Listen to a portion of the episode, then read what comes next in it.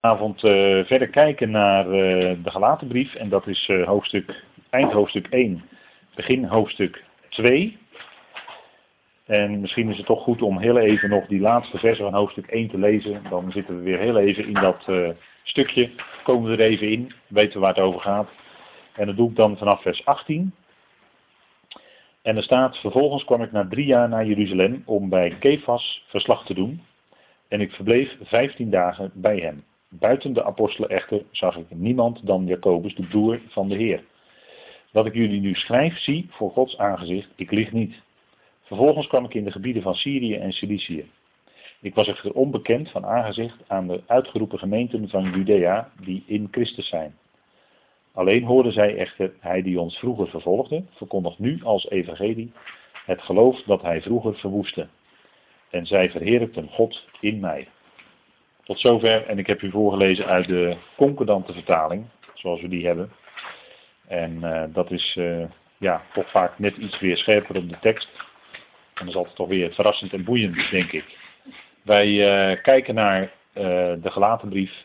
We kijken naar de geschiedenis. Paulus die verhaalt een stukje geschiedenis over wat hem overkomen is.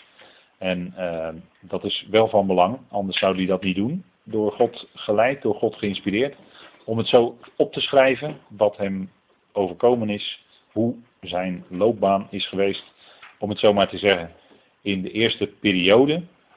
En dan beschrijft hij toch een behoorlijke periode, eh, toch wel enige, als je het optelt, enige tientallen jaren.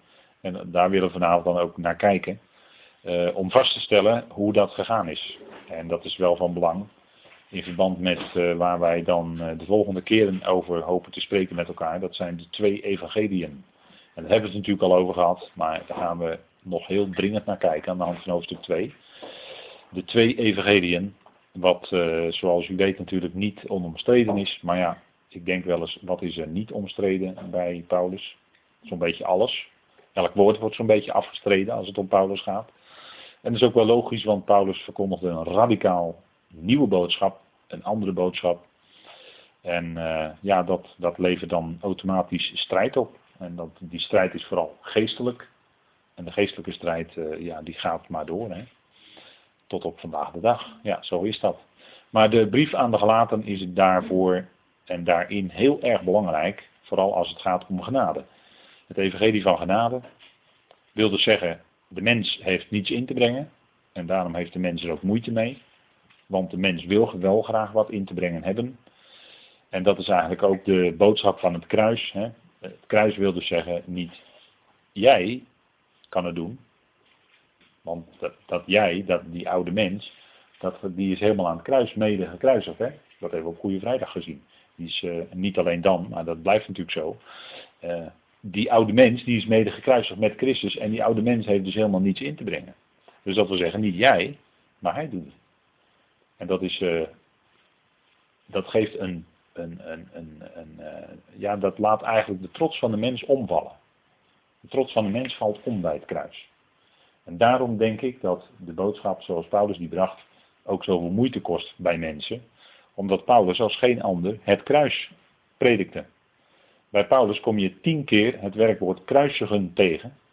En tien keer het woord kruis. En je vindt dat, even afgezien van Hebreeën, je vindt dat niet terug bij de anderen. Je vindt dat niet terug, het woord kruis of kruisigen, niet bij Petrus, niet bij Johannes, niet bij Jacobus, niet bij Judas. Niet in openbaring weet ik even niet, denk het ook niet. Maar in ieder geval niet in die brieven van die andere apostelen van de besnijdenis, van de steunpilaren. Hè, die worden in hoofdstuk 2 ook genoemd. Dat zijn de steunpilaren. Die spreken niet over het kruis. Petrus wel heel even, die zegt dat hij onze zonde aan het hout gebracht heeft. Op het hout gebracht heeft. 1 Petrus 2 vers 24. Daar wel, dus daar refereert hij wel iets aan het kruis, maar hij gebruikt niet het woord kruis. Hij gebruikt het woord hout. Weet u wel, in het Hebreeuws ots. En in het Grieks is dat skulos. Nou, dat, dat zijn uh, zaken die belangrijk zijn om te weten. En laat ook zien dat de boodschap van het kruis, die heel diep gaat voor de mens, dat die bij Paulus zo duidelijk naar voren komt. En daarom hebben veel mensen moeite met Paulus. Kijk, in dat licht begrijpen wij het ook wel. Hè? Dan, als je dat door gaat krijgen, ga je er ook iets van begrijpen. Nou, dus Paulus, en we zien dus in de brief aan de gelaten waarin Paulus het verhaalt, en we zullen dat, uh, die boodschap van het kruis komt in hoofdstuk 2 ook naar voren hoor. Heel indringend. Hè? Met Christus ben ik gekruisigd, hoofdstuk 2 vers 20. Nou, dat is, het, dat is het hele, dat is ook tegelijkertijd goed nieuws. Want dan ben je van je oude mens af. Hè? Die oude mens is meegekruisigd, daar ben je dan vanaf. Dat is goed nieuws hoor. Dat is ook evangelie. Maar goed, uh, daar komen we nog wel op. Brief aan de gelaten wil zeggen, het gaat om genade. En genade is er na het kruis en de opstanding. Toen het graf leeg bleek te zijn, werden door God de sluizen van de genade opengezet. En sindsdien leven in de tijd van de overstromende genade. Genade zit op de troon nu, vandaag. En dat is ook waar de gelaten brief over gaat. Wie zit er eigenlijk op de troon? Is dat de wet? Of de Torah mag je ook zeggen van mij hoor. Of de genade. Het is niet en en, kan niet. Het is of de wet, of de genade. Het is besnijdenis of Christus. Even heel scherp gesteld, hè? maar zo scherp ligt het wel bij Paulus. Je kunt niet en de besnijdenis erbij houden en zeggen dat Christus alles volbracht heeft. Want toen hij zei het is volbracht, dat was de besnijdenis van Christus. Niet de besnijdenis van Jezus, maar de besnijdenis van Christus. En daar werd het vlees dus afgesneden met hem op Golgotha. Vlees, oude mens. Dat is dus zeggen ook alle eigen kunnen, alle eigen willen, alle eigen, noem maar op. Dat is allemaal vlees. En dat is met Christus mee aan het kruis gegaan. Nou, en dat, dat heeft natuurlijk hele diepe praktische consequenties voor ons leven. Goed, Galaten 1. Alleen hoorden zij echter, en dan refereer ik nog even aan de vorige keer, hij die ons vroeger vervolgde, verkondigt nu als evangelie het geloof dat hij vroeger verwoestte. Kijk, die gemeenten in Judea, staat, er wordt hier gesproken over in vers 22 over de uitgeroepen gemeenten van Judea, die in Christus zijn, dat wil zeggen die in de Messias zijn, en dat zijn gemeenten die stonden in het evangelie van de besnijdenis. Die waren dus door de prediking van Petrus en de anderen, waren er Joden tot geloof gekomen. Op de Pinksterdag waren dat er al 3000, weet je nog wel. Later wordt, spreekt Jacobus zelfs over tienduizenden. Maar die waren dus allemaal tot geloof gekomen in Jezus als hun Messias. Die hadden dat erkend. Maar zij stonden dus in het evangelie van de besnijdenis. En in die zin waren zij in de Messias. En wat predikte Paulus in het begin? Paulus predikte, Jezus is de Zoon van God. Dat predikte hij in de synagoge in Damascus, weet u wel, handelingen 9. Hij predikte, Jezus is de Zoon van God. En hij bracht de Joden in Damascus in verwarring door aan te tonen, Jezus is de Christus. Lezen wij in handelingen 9. Laten we dat dan nog maar even met elkaar doen. Want u kunt wel denken van ja, dat geloof ik wel weer wat er staat. Maar laten we toch maar even kijken dan, wat er precies staat. En dat is dan eigenlijk het begin van het dienstwerk van de apostel Paulus. En daarmee staat hij in de lijn van het evangelie van het koninkrijk. Of het evangelie van de besnijdenis. Op dat moment nog, hè. Want hij predikte ook in de synagoge daar en bracht de joden in verwarring. En uh, daar staat in Handelingen 9 en vers 20. En meteen predikte hij Christus in de synagogen dat hij de zoon van God is.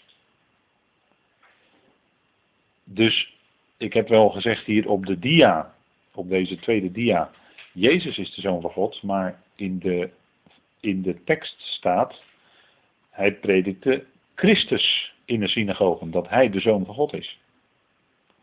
Dus hij wees wel op degene die uit de dood is opgestaan. En hij wees wel op degene die na te zijn uh, opgestaan, opgewekt, opgevaren is naar de Vader. En aan de Vaders rechterhand verheerlijkt is. Dus hij predikte Christus als de Zoon van God. En dat moet ook zelfs voor de Joden heel bijzonder zijn geweest. Want zij vonden het, zij wilden graag hem in de mond leggen tijdens zijn veroordeling. Het Sanhedrin wilde hem in de mond leggen dat hij zou zeggen, ik ben de zoon van God. Dus hij, hij verwees alleen naar zichzelf als de zoon des mensen. Maar hij was natuurlijk wel de zoon van God, daar gaat het niet om. Maar dat was voor de Joden juist de lastering. Hè? Als hij zou aangeven dat hij de zoon van God is, zou hij zich daarmee aan God gelijkstellen in de ogen van de Joden. En daarmee zouden zij grond hebben om te zeggen, hij lastert de naam. Of hij heeft de naam in ijdelheid gebruikt, zoals de wet dat zegt. Hè? Er staat niet, uh, het, uh, het, eerste gebod is niet dat, het lasteren of het vloeken van de naam. Het eerste gebod is dat, dat de naam van God, de naam, Yahweh, dat je die niet in ijdelheid mag gebruiken.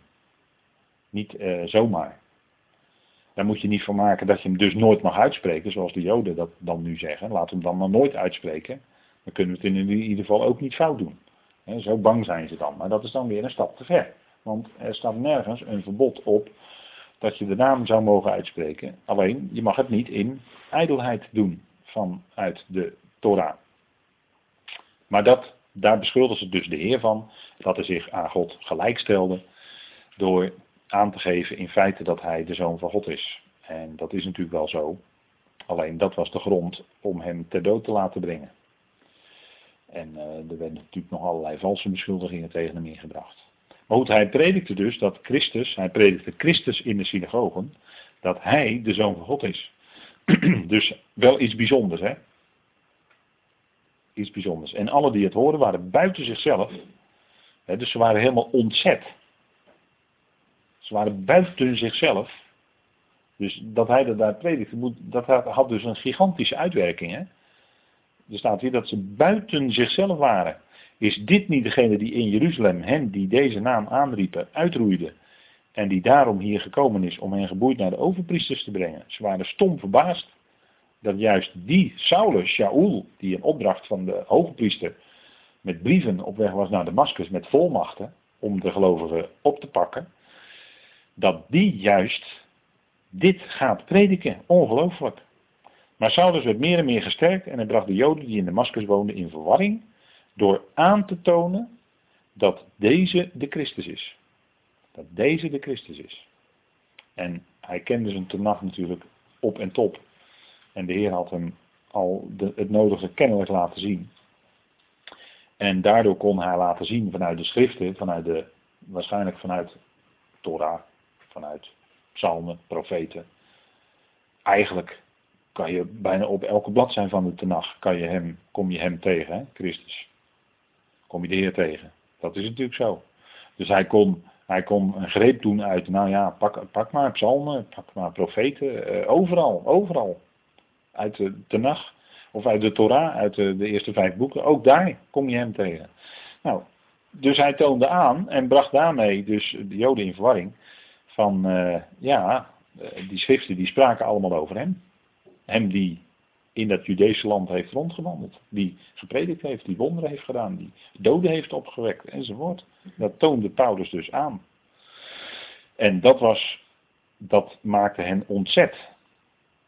En dan krijg je de, ja, je zou bijna zeggen de, de reactie die je zo vaak leest in vers 23. En toen er veel dagen verlopen waren, hoeveel weten we niet, maar het was een, waarschijnlijk staat hier wel een uitdrukking die wijst op een behoorlijke tijd. Veel dagen, dus hij was veel bezig daarmee. Beraadslaagden de Joden om hem te doden. Ziet u? Net zoals zij de profeten doden, wat de Heer Jezus hen ook terecht aanzegde. Jullie die altijd de profeten doden. Uh, nou, zij hebben dus ook de Heer zelf aan het kruis uh, laten nagelen. En nu werd Paulus dus, of Saulus, werd ook belaagd. Hè? Die moest ook gedood worden. Die moest ook uit de weg geruimd worden. Dus je ziet een doorgaande lijn. Het antwoord van de fanatieke religieuze joden op de prediking dat Jezus een Messias is, Christus de Zoon van God is, is dat ze hem willen doden.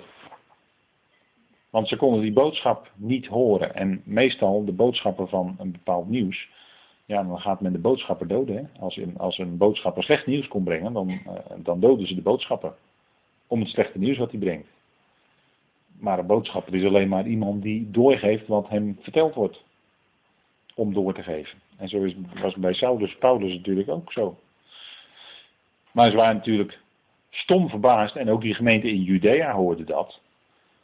Dat hij natuurlijk in Damascus zo had gepredikt. Dat was natuurlijk uh, als, een lopend, als het bekende lopende vuurtje was dat natuurlijk rondgegaan. Hè?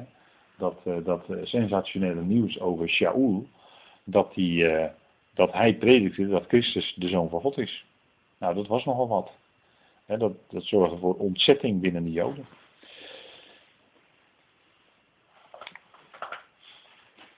Dus hij verkondigde als evangelie nu het geloof dat hij vroeger verwoestte. Zij kwamen tot geloof in de Heer. Hij predikte Christus als de Zoon van God. En hij toonde aan dat deze de Christus is. En daarmee stond hij helemaal in de lijn, althans voor wat we in handelingen lezen, hij stond in de lijn van de verwachting van Israël. Zo noemt hij dat in Handelingen 28. Hè. Als hij daar de Joden spreekt in eh, Rome, dan uh, spreekt hij ook over de verwachting van Israël. En de verwachting van Israël, dat valt natuurlijk binnen wat hij ook predikte in Handelingen 20 in Efeze. De hele raad van God, daar bracht hij de hele raad van God. In, en we lezen daar in Handelingen 20 echt niet wat hij precies daar allemaal gepredikt heeft. Alleen het wordt door hem samengevat als, ik heb jullie verkondigd, de hele raad van God. Dus hij heeft daar, mogen wij vanuit gaan, en gesproken over de verwachting van Israël. Dus dat de Christus, Jezus de Christus op aarde koning der koningen en heer der heren zal zijn. En Israël aan de spits van de volkeren. Dat is de verwachting van Israël. En hij heeft natuurlijk daar gepredikt, de gemeente, het lichaam van Christus, die uitgeroepen wordt naast het volk Israël. Dus die twee zaken en dat die gemeente dus een bijzondere functie zou uh, gaan vervullen. En in hoeverre, wij weten het niet, maar hij zegt wel, ja, de hele raad van God. En dat hij dat op schrift stelde in de gevangenis, de Efezebrief, de hemelse roeping ja, wij zullen niet nooit helemaal zeker weten of hij dat daar in Efeze verkondigd heeft. Maar in ieder geval, uh, die verwachting van Israël, die vervalt natuurlijk wel binnen de hele Raad van God. En de Raad van God is niet alleen Israël natuurlijk. En dat maakt hij wel duidelijk. Dat er dus een ander spoor, een nieuw spoor was gekomen. Namelijk met de roeping van het lichaam van Christus. Dus ze waren in het begin vooral heel erg verbaasd dat hij nu dat geloof, namelijk dat Jezus de Messias is, dat de Christus de Zoon van God is, het geloof dat hij vroeger wilde verwoesten, verkondigt hij nu zelf. De ergste vijand, de fanatiekste vervolger van de gemeente, de gemeente van God, die is nu zelf aan het prediken. Datzelfde geloof. Eigenlijk ongelooflijk. Hè? En dat is natuurlijk een geweldige het laat natuurlijk geweldig zien hoe groot die liefde van God is en hoe diep die genade van God gaat. Dat juist een Saulus, dat die geroepen werd. Terwijl hij totaal geen berouw had. Dat hebben we meerdere keren natuurlijk gezegd, hè, maar hij had totaal geen berouw van zijn zonde. Hij was zich totaal niet bezig te, eh, te bekeren of om te keren uit zichzelf. Totaal niet. Integendeel zelfs, in vijandschap. Hij blies dreiging en moord staat er zelfs. Hij leefde ze over en eh, ja, het zou hem eigenlijk niet, eh, niet, want hij stond ook bij degene die eh, Stefanus stenigde, paste hij op de mantels. Dus hij zat er ook niet mee als mensen dan om die reden naar de wet dus gestenigd moesten worden. Daar zat, daar zat Saulus niet mee. Zo, zo vol vijandschap zat hij tegen degene die van het in zijn ogen andere, hè, dat andere, dat afwijkende van het Jodendom waren. Nou, dat, dus juist die wordt door God geroepen op weg naar de Damascus, zonder dat hij berouw heeft, zonder dat hij zich bekeert, zonder dat hij smeekt om vergeving van zonde. Maar in één klap licht. En hij is drie dagen blind. Dat is natuurlijk ook, daar zit natuurlijk een prachtig beeld in. Maar goed, hij is drie dagen blind. En zijn hele wereld staat op zijn kop. Is in één keer omgekeerd. En hij wordt gesteld tot apostel om naar de natie te gaan. Nou, wilt u een groter voorbeeld hebben van genade dan dat in deze tijd? Ik denk het niet. En hij zegt ook van zichzelf dat hij een voorbeeld is die na hem zouden geloven. Leest u het maar na. 1 Timotheus 1, daar zegt hij dat. Dat hem overweldigende genade is betoond. En dat zegt hij bij tot een voorbeeld van de anderen die tot geloof zouden komen. Dus wij zeggen ook in deze tijd, hoe diep een zondaar ook gevallen is, de genade van God reikt dieper. Want Jezus Christus heeft aan het kruis al de zonden van de hele wereld gedragen. Al de zonden van een ieder. En dat is een ongelooflijke boodschap. Nou, dat is genade. Hè? Die rijdt dieper, die liefde van God rijdt dieper dan de diepst gevallen zondaar. En Saulus zei van zichzelf, ik ben de voornaamste. Nou, als die gered wordt, is logisch dat iedereen gered wordt. Saulus zei van zichzelf, nou ik ben de ergste van alle zondaren. En als Saulus gered wordt, zonder dat hij zich hoeft te bekeren, dan is het natuurlijk duidelijk dat iedereen gered wordt. Als de ergste zondaar gered wordt, is toch duidelijk dat iedereen daarna ook gered wordt. Dat is toch logisch?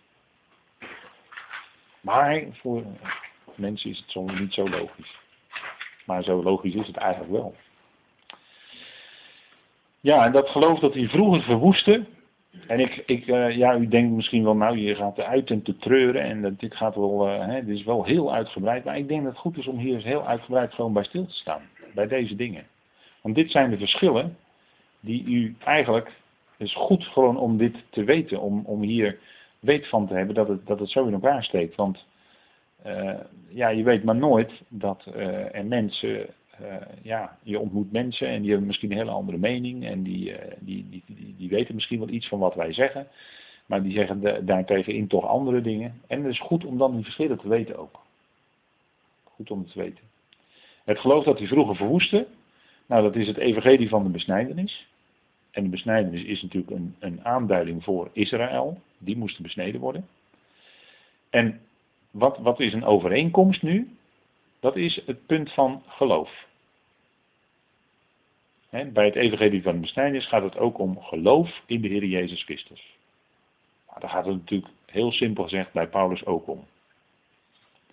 En Petrus, die kende hem ook, kende de Heer Jezus Christus natuurlijk ook als de opgestane. En Petrus zei ook wel iets over zijn verheerlijking, dat hij nu verheerlijkt is.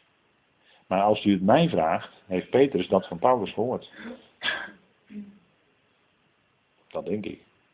Het punt dat Petrus wel in zijn brief iets zegt over de nu hoge positie van Christus aan de rechterhand van God, dat hij verheerlijkt is, dat heeft Petrus volgens mij van Paulus gehoord. Maar goed, dat, eh, dat is dan misschien, zegt u ja, er is jouw persoonlijke uh, gedachte erbij. Ja, oké. Maar daar is wel wat grond voor hoor, om dat te zeggen. En dan lezen wij bijvoorbeeld in, uh, in uh, eh, 1 Petrus 1, vers 5 en 8 over het punt van geloof. Uh, laten we heel even met elkaar kijken. 1 Petrus 1.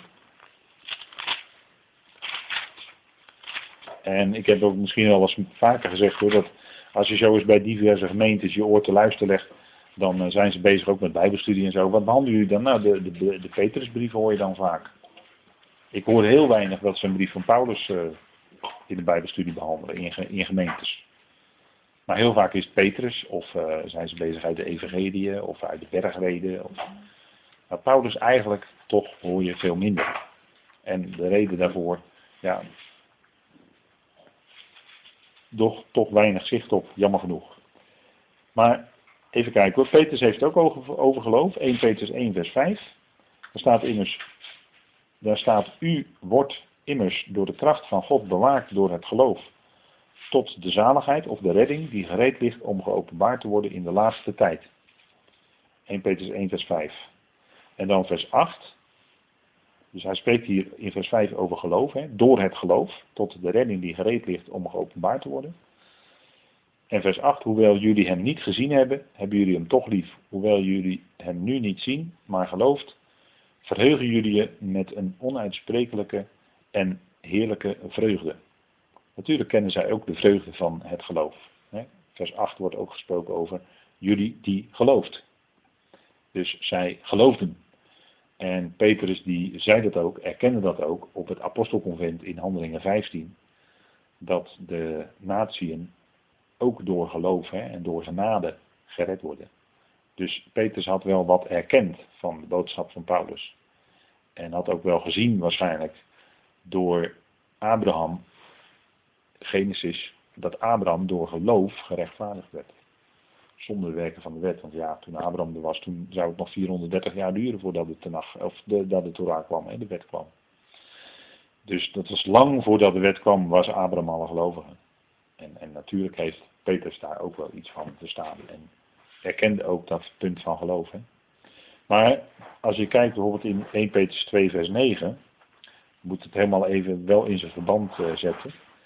Dan zegt hij wel tegen de gelovigen aan wie hij schrijft, en dat zijn de vreemdelingen in de verstrooiing, dat zijn dus Joden die verstrooid zijn vanuit Jeruzalem of vanuit het land door de vervolgingen, en die zijn overal terechtgekomen, die Joden, daar schrijft Petrus aan, de vreemdelingen in de verstrooiing, Joden die onder de heidenen verstrooid waren.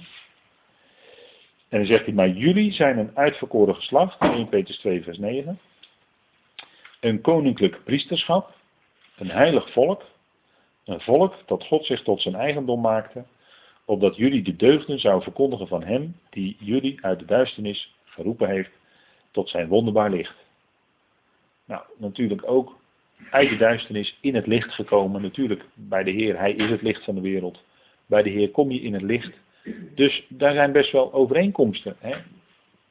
Paulus werkt natuurlijk ook met begrippen als duisternis en licht. En natuurlijk zijn allerlei overeenkomsten. Maar bedenk wel hier dat het hier gaat om een koninklijk priesterschap. Dat het hier heel duidelijk gaat om Israël.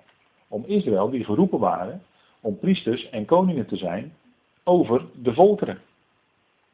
Dus, en, en terecht haalt Petrus dat natuurlijk aan. Als het gaat om de Joden, hier om de Joodse gelovigen, hè, van de besnijdenis, in het besnijdenis-evangelie. Ja, zij zijn een koninklijk priesterschap.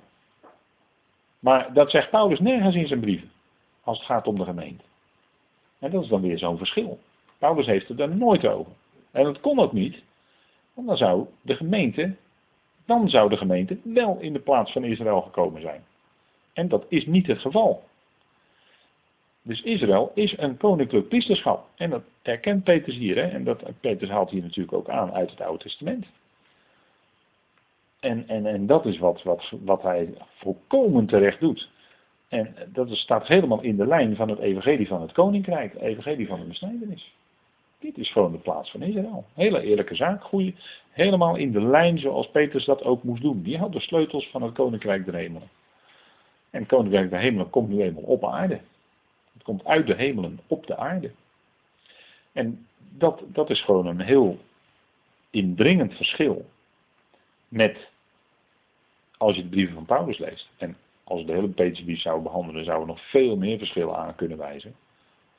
En eh, dan zou voor u ook wel heel duidelijk worden dat ja, die verschillen, dat zijn er toch wel erg veel. En dat laat toch wel twee verschillende lijnen zien die in de schriften daar liggen. En die moeten ook gewoon aanhouden, die verschillende lijnen. Dan zetten we Israël, laten we keurig op de plaats staan die het volgens de schrift heeft. En de gemeente blijft ook keurig, krijgt ook keurig die plaats die het volgens de schrift heeft. En dan is er helemaal geen probleem. De problemen ontstaan pas als je die lijnen door elkaar wil halen. En als je gaat zeggen dat de gemeente eigenlijk moet aansluiten bij Israël. En dan moet je ook onder de wet gaan leven. Dan moet je de Shabbat gaan houden en de kashrut en eh, noem alles maar op. Hè? Nou, eh, maar dan, dan kom je dus in een heel ander vaarwater. En daar is Paulus dus mee bezig in die gelaten brief. Om dat goed duidelijk te maken aan ons als gelovigen. Goed, en dan keren wij even terug en dan gaan we naar de volgende dia. En dan even bij gelaten 1 vers 24. Daar zijn we de vorige keer echt mee geëindigd. Maar dat vond ik toen toch een beetje snel gaan. Ik liep er een beetje snel langs, vond ik. En daar staat, en zij verheerlijkten God in mij. Wie zijn die zij van vers 24? Die zij zijn die gemeenten in Judea in Christus. Want zij hoorden, zij hoorden dat Saulus nu het geloof verkondigde wat hij vroeger verwoestte. En dat vonden ze zo geweldig en dat kregen ze door. Het is echt zo, hij is echt veranderd. Hij verkondigt echt die boodschap. En toen zeiden ze, en zij verheerlijkte dus niet Paulus, want dat zou Paulus nooit uh, gewild hebben. Maar zij verkondigden uh, Christus, of zij verheerlijkten uh, God Zij verheerlijkte niet Paulus, maar zij verheerlijkte God. En Paulus die zegt ook van zichzelf, die had wat niets, niets liever gewild dan dat. Want die zei, maar in de genade van God ben ik wat ik ben. En zijn genade voor mij is niet vergeefs geweest. Maar ik heb overvloediger gearbeid dan ze allen. Maar niet ik, maar de genade van God die met mij is. Dus u ziet hier dat de apostel zegt van ik heb meer gearbeid dan die apostelen van de besnijdenis. Maar dat was niet een punt van trots bij Paulus. Het was het punt van hij prees God, want God had hem die genade gegeven. God had hem die kracht gegeven om dat te kunnen doen. Nou, en dan uh, zien we hier een, een plek, Antiochieën in Pisidië. En dat is een, uh, uh, een plaats waar Paulus geweest is. Hè. Als we praten over de landstreek van Galatië, dan is hij ook in Antiochieën in Pisidië geweest. En ik heb er zo wat dia's tussendoor gestrooid, om het zo maar te zeggen. Om u even een indruk te geven hoe dat op dit moment erbij ligt. Nou, u ziet daar in de vette wat, wat ruïnes, zeg maar. Nou, dat dateert waarschijnlijk uit die tijd. En uh, dit is Antiochie in Pisidië. En ja, uh, kijk, ik zou zeggen, als u een vakantie wil plannen en u zegt van nou, waar zullen we nu eens heen gaan? Dan zou ik u aanraden om eens een Paulusreis te maken, want dan komt u ook hier terecht. Hè, dan kunt u zelf een beetje gaan rondtrekken. En dan kunt u eens kijken zo in dat Galatische land. Hè. En Galaten, dat waren eigenlijk Kelten. Maar goed, daarover wil ik liever niet te diep ingaan, maar dat waren waarschijnlijk Kelten. Uh, maar goed, het maakt verder niet zoveel uit. Paulus is onder andere hier geweest, Antiochieën in Pisidië. En uh, ook nog een aantal andere plaatsen heeft hij rondgetrokken samen met Barnabas. En dan heeft u even een indruk van hoe dat, uh, hoe dat landschap er dan bij ligt. Hè? Wat, wat Paulus dan zelf ook gezien heeft. Dus Antiochieën in Pisidië. En dat heeft hij mogen doen. En daarvan zegt hij ook van nou, wat we, die tekst die we net aangehaald hebben uit de, het opstandingshoofdstuk, hè, de Korinthebrief 1 Korinthe 15. Dat hij meer gearbeid heeft dan ze allen. Hè. Hij had enorm zware arbeid verricht. Er was hem veel overkomen. Hij had veel geleden. En uh, daarover schrijft hij ook aan de Corinthiërs diverse momenten. Maar hij zegt daarbij altijd van, dat was niet ik, maar de genade van God die met mij is. En dan zien we dus een heel ootmoedig mens, eigenlijk verootmoedigd door het evangelie van de genade. Hij erkende dat het volledig de kracht van God was. En als we even kijken naar, eh, we zijn nu aan het einde echt van hoofdstuk 1. Als we dat hoofdstuk heel even samenvatten, even in vier regeltjes, dan uh, is dat toch even denk goed om te zien in verband met hoe dat nou in het verleden gegaan is met zijn roeping en ook wat hem is toevertrouwd als boodschap, als evangelie. Kijk, zijn roeping tot apostel was overeenkomstig Gods wil. Hij was dus niet door de twaalf apostelen of door Petrus aangesteld. Nee, hij was rechtstreeks door de Heer zelf geroepen, buiten het land. En dat was de verheerlijkte Heer die hem riep. En dat was heel tekenend ook eigenlijk voor heel zijn bediening. En zijn evangelie, want Paulus kon dat zeggen, Paulus spreekt diverse plaatsen over mijn evangelie, drie keer in zijn brieven. Zijn evangelie ontving hij rechtstreeks van de Heer. Hij ontving het dus niet van de apostel van de besnijdenis. En hij zegt keer op keer dat hij niet uh, naar hen toe is gegaan om uh, als het ware erkenning en, en met hen helemaal door te spreken of hij wel het goede verkondigt enzovoort enzovoort. Dat was helemaal niet aan de orde geweest. Hij had zijn evangelie rechtstreeks van de Heer ontvangen, van de verheerlijkte Heer. En dan zijn bediening was vanaf het begin onafhankelijk van de andere apostelen. Je ziet pas dat hij, pas na drie jaar, gaat hij voor het eerst naar Jeruzalem en doet alleen even verslag aan Petrus. Hij doet alleen maar verslag. Hij legt niks voor, hij vraagt geen akkoord van Petrus. Dus dat is na minstens drie jaar pas. Hè? Nou, dat, dat maakt al duidelijk dat, dat hij dat evangelie nooit uh, van Petrus heeft kunnen ontvangen. Ook geen erkenning van Petrus heeft gevraagd of wat dan ook. Het was helemaal onafhankelijk. Hij was helemaal onafhankelijk. Hij opereerde In feite alleen, in het begin samen met Barnabas, dat was nodig. Dat zullen we nog wel zien. En uh, dus helemaal echt onafhankelijk, uniek. Zijn evangelie is onaantastbaar. En hij zegt zelfs daarvan in hoofdstuk 1, wie een andersoortig evangelie leert. En daarmee bedoelt hij dus niet het evangelie van de besnijdenis. Hè? Want dat is een andere evangelie. Maar een andersoortige evangelie is een of andere mengel, moes, een of andere mix van twee verschillende elementen die het tot een andersoortige evangelie maakten. En daarvan zegt hij, dat is geen evangelie. En dan zegt hij ook, daar ligt dus de ban op. Anathema. Maar daar hebben we bij stilgestaan. Hè? Het woord geren in het Hebreeuws. En dat het dus een ban op je, ook op je persoonlijk geloofsleven legt. Je raakt namelijk de vreugde kwijt. Want je moet steeds werken doen. Je moet steeds je aan allerlei regels en voorschriften houden om het goed te kunnen doen. En dan ben je daar heel druk mee bezig, dan raak je vreugde kwijt. En vreugde is juist het woord van genade. Hè? Garis, gara, vreugde, genade, dat, dat zit aan elkaar gekoppeld in het Grieks. En dan raak je dus je vreugde kwijt. Absoluut. En zo is het ook. Kijk maar naar mensen die zeggen evangelie en wet. En die gaan dan in de praktijk onder de wet leven. Die mensen zijn doorgaans niet zo erg vreugdevol. En hoe zwaarder ze onder de wet zitten, hoe minder vreugde ze hebben. En soms letterlijk hoe krommer ze lopen. Soms letterlijk, hè. Dat is echt waar hoor.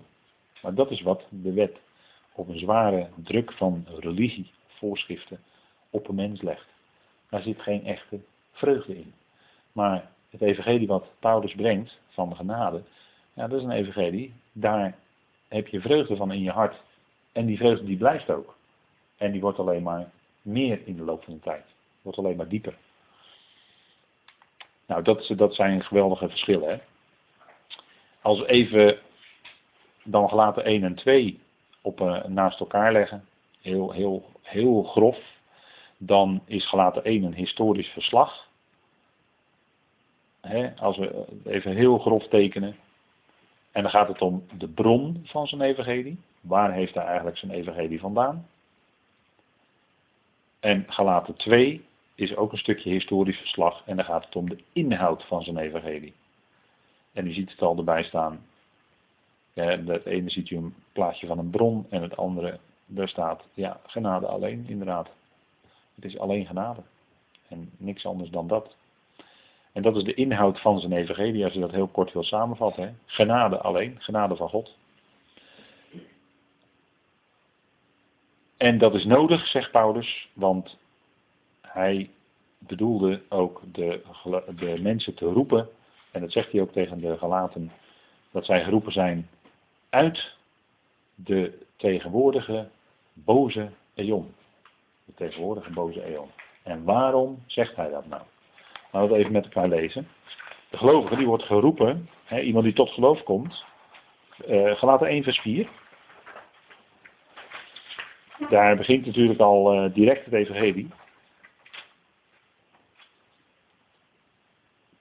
Vers 3. Genade voor jullie en vrede van God onze Vader en van de Heer Jezus Christus, die zichzelf geeft ter wille van onze zonden, zodat Hij ons uittilt uit de tegenwoordige boze eon, in overeenstemming met de wil van onze God en Vader, aan wie de heerlijkheid is in de eonen van de eonen. Amen. Waarom zegt hij dat nu zo in vers 4? Zodat hij ons uittilt uit de tegenwoordige boze eon. Dat is niet bij de bazuin van God, dat wij weggerukt worden. Daar doelt hij hier helemaal niet op. Is hij helemaal niet mee bezig. Maar hij zegt nu. Dus hij, God tilt ons nu uit, uit deze tegenwoordige boze eon. Dus waar de boze een belangrijke rol in speelt in overeenstemming met de wil van God. En dat uittillen, dat heeft te maken met dat als je tot geloof komt, dan raak je los van de stromingen, dan raak je los van het andere geestelijke denken, andere geestelijke invloeden, dan raak je los van religie, dan raak je los van allerlei wettische voorschriften van religieuze inzettingen, religieuze in, eh, noem, maar, noem maar op, rimram, zou ik maar, maar dan zeggen, religieuze rimram. Daar raakt hij dan allemaal los van, want de genade van God maakt hij daarvan vrij. En dat is dat uittillen uit deze tegenwoordige boze eon. Dat is voor de gelovigen nu in de praktijk van alle dag. Dat is dat uittillen. En dan ben je dus los van alle inzettingen en vaste tijden, het houden van dagen, maanden, jaren, noem maar op. Galaten 4, daar zit ik nu weer in, hè, te citeren. Galaten 4. Waarvan Paulus dan zegt, jullie houden je weer aan dagen, maanden, vaste tijden, jaren. Ik vrees dat ik mij te vergeefs voor jullie heb ingespannen. Want ze waren weer terug onder de grondregels van deze wereld. de boze Aion heeft alles te maken met de grondregels van deze wereld. De grondregels van deze wereld is religieuze inzettingen. Je moet houden aan wetten, aan voorschriften, aan inzettingen van mensen. En, en uh, de tegenwerker die heeft een systeem. De boze heeft een systeem, zegt Paulus in Efeze 4. Dat is systematisch. En, en als je vastzit in dat religieuze, in een religieus systeem, maakt niet uit welke, nou dan zit, dan zit je daar helemaal in vast als mens. Geen vreugde, geen uitzicht. En dat is juist, dat is juist de boze. Die wil je graag in die greep houden daarvan. Nou, door het evangelie van God, het evangelie van de genade van God, kom je daar dus helemaal uit. Raak je daar dus helemaal los van. Dan zit je daar niet meer in gevangen. En dat is waarom hij zegt, uittillen uit de tegenwoordige boze. En het staat in actieve, in actieve tijdsvorm, dat is gewoon nu, vandaag. Nou, dat is dus de inhoud van zijn evangelie, de bron van zijn evangelie zien we dus in hoofdstuk 1. En de inhoud van zijn evangelie komt naar voren in hoofdstuk 2. En we beginnen nu dus aan hoofdstuk 2 van de gelaten brief. En ik beloof u, dat wordt heel wat. Maar dat zullen we niet allemaal vanavond aan de orde krijgen. Maar er komt heel wat aan de orde hoor in hoofdstuk 2, denk erom. Galaten 2. Even voor u kort op een rijtje de historische ontwikkeling zoals het met Saulus, Paulus is gegaan. Dan werd hij geroepen op weg naar Damascus. En dat heb ik dan even bovenaan gezet. Dan ging hij voor een onbepaalde tijd is hij geweest in Arabië. En we gaan daar nog, eh, als we daar naartoe komen, te zijn de tijd in Galaten 4, spreekt Paulus over de berg Sinaï in Arabië. Daar zullen we daar nog uitgebreid over komen te spreken. Want dat is toch wel een punt. Dus hij is in Arabië geweest voor een onbepaalde tijd. En dat, dat staat ook in Galaten 1 vers 17. Hè. Kunt u dat uh, nalezen, dat hij in Arabië is geweest, dat hij dat zegt. Dan gaat hij weer terug naar Damascus. Dus hij gaat naar Arabië, gaat terug naar Damascus. En dan drie jaar later, dus waarschijnlijk, kijk in Arabië, hoe lang hij daar geweest is, dat weten wij niet. Dat weten wij niet. Stel dat hij daar drie jaar ook geweest is. Zou kunnen. Dan gaat hij terug naar Damascus en dan gaat hij pas na drie jaar naar Jeruzalem. Dus dan zou er al minstens zes jaar verstreken zijn dat hij naar Jeruzalem is gegaan. Maar goed, even afgezien daarvan heeft het toch minimaal drie jaar geduurd voordat hij naar Jeruzalem ging. En dan komt hij bij uh, Kefas, hè? en dat is Petrus natuurlijk, maar dat is een Aramese naam. Dan komt hij bij Kefas, vers 18. En dan zegt hij, om Kefas verslag te doen. Om Kefas verslag te doen. Dus hij deed alleen maar verslag wat hem overkomen was, meer niet. Dus hij vroeg geen toestemming, niks. Vijftien dagen, dus dat was ook slechts maar een hele korte tijd. Dan gaat hij terug naar Syrië, de streken van Syrië en Cilicië. En dan is hij waarschijnlijk ook in die gemeente in Antiochië in Syrië. Waar een, zeg maar een, een, een Joden-Christengemeente, waar ook enkele heidenen bij waren aangesloten, was. Daar heeft hij dan samen met Barnabas en anderen heeft hij daar zeg maar gediend. Hè. Dat staat er ook in Handelingen 13 bijvoorbeeld. Maar goed, Syrië en Cilicië. En dan zegt hij, na 14 jaar, dus dan weer een hele lange tijd, gaat hij naar Jeruzalem op grond van een onthulling. Dus hij krijgt een onthulling van de Heer. Die laat hem zien, je moet naar Jeruzalem gaan. Dus hij ging eigenlijk op een bevel of een aanwijzing van de Heer. En dat is wat, uh, wat zo dan even in vogelvlucht uh, historisch hem is overkomen. En dan gaat hij dus naar Jeruzalem na een onthulling. En ook dat bezoek in Jeruzalem is waarschijnlijk nog niet eens het apostelconvent van Handelingen 15. Dat is nog later. Dus dan ziet u dat er al nou, bijna twintig jaar verstreken zijn. En dan moet hij nog een hele reis gaan maken met Barnabas door het Galatische land. En pas daarna, dan komt hij in Jeruzalem op het apostelconvent. Dus dan is er al minstens 20 jaar verstreken. Zo niet nog meer. Misschien wel 25 jaar. En dan pas is het apostelconvent. Dus Paulus is dan al, laten we zeggen, 20, 25 jaar bezig.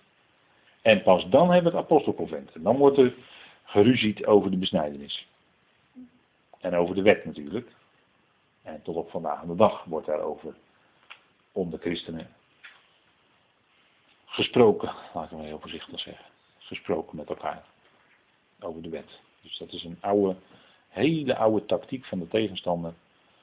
Om vragen over de wet. En moet je wel of niet aan de wet houden. En dat soort zaken. Dat is één van zijn tactieken om daar gelovigen onder elkaar verdeeldheid te brengen. En een andere tactiek is tekenen en wonderen en spreken in tongen. Dat is ook een tactiek. Nou, ik kan er nog wel een paar noemen, maar goed. Dit zijn de bekendste die je steeds weer hoort om je heen. En dan komt er eh, oneenigheid in gemeentes. En dan gaat er weer een groep uit. En dan keert de rust weer even terug.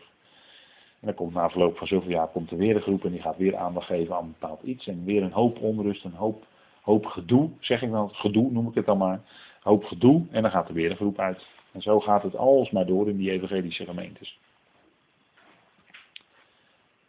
Ik hoef ze toch niet met naam en toenaam te noemen, hè? want dat weet u misschien zelf ook wel.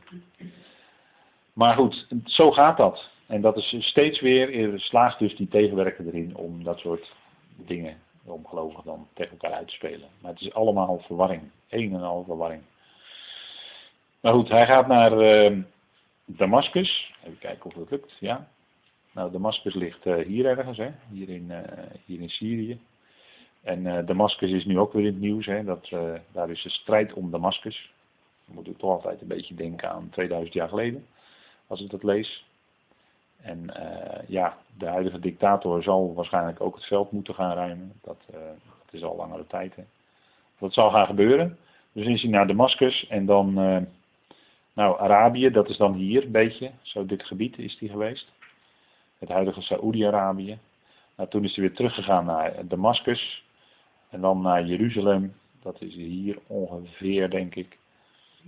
En dan uh, weer naar het noorden, naar Syrië, Cilicië, dat is zo hier een beetje, zijn geboorteplaats. Uh, Tarsus. En dan weer terug naar Jeruzalem. Dus hij heeft heel wat uh, afgereisd. En dan natuurlijk de, de reizen die hij hier nog gemaakt heeft. Hè? Saulus, Paulus. Dus hij is behoorlijk natuurlijk rondgegaan.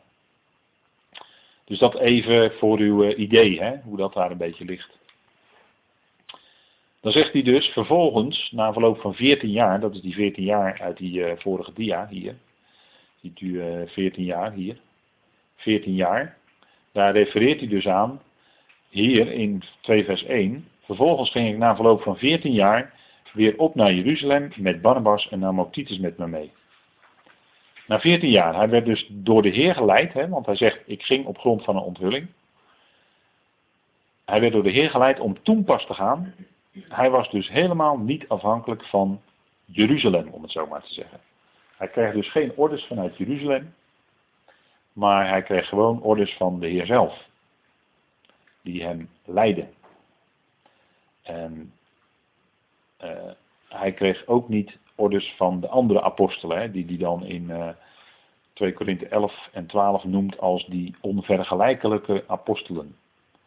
Hè, die, uh, die uitnemende apostelen. Daar kun je dat woord ook mee vertalen. En dat, daar zit natuurlijk een ironische ondertoon in. Hè?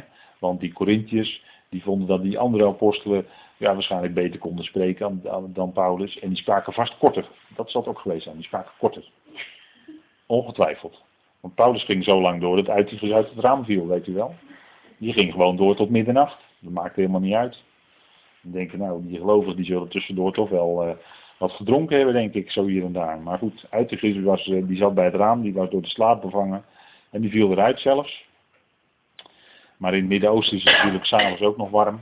Dat weet u wel, als u daar bent, in, vooral in de zomer is het s'avonds ook nog gewoon warm. Dan kun je s'avonds om 11 uur nog in je t-shirtje over straat lopen. Maar uh, hij noemde ze die onvergelijkelijke apostelen. Ja, de een zal korter gesproken hebben dan Paulus, en de ander zal beter gesproken hebben dan Paulus. En de ander zal misschien wat minder over de genade hebben gesproken. En, enzovoort, enzovoort, enzovoort. Dus Paulus zegt tegen die Corinthiërs die onvergelijkelijke apostelen. En dat bedoelt hij dan natuurlijk ironisch. Dus hij ging na 14 jaar weer op naar Jeruzalem. Nadat hij daar dus uh, bij Petrus is geweest, 15 dagen. Daar zit hij 14 jaar tussen. En dan gaat hij samen met Barnabas en hij neemt ook Titus mee. En die Barnabas, we zijn altijd benieuwd naar wat een naam betekent in de Bijbel. Ik denk dat u daar ook altijd wel benieuwd naar bent. En die wordt genoemd, en dat uh, in Handelingen 4 wordt het door Lucas even toegelicht, zoon van de profetie. En in Lucas, die zegt in Handelingen 4, dat het vertaald betekent zoon der vertroosting. Dus met die naam Barnabas er is wel iets mee, denk ik. Want Barnabas, uh, misschien dat het uh, Nabas, dat Navi vanuit het Aramees ietsje anders een betekenis heeft. Want eigenlijk Bar betekent zoon. En Nabas, als het van Navi afkomt, is het van profeet. Dus is het letterlijk zoon van de profetie. Zo wordt hij genoemd. En hij heet eigenlijk Jozef. Jozef, hè? Jozef, die ook Barnabas genoemd wordt. Ja? Dat is eigenlijk Jozef. En Jozef is de toevoeger. He, Jozef, Jozef in het Hebreeuws betekent toevoeger. Of toegevoegd. En dat zei uh, Rachel toen hij geboren werd. De Heer zal mij een zoon toevoegen. En dat was Jozef.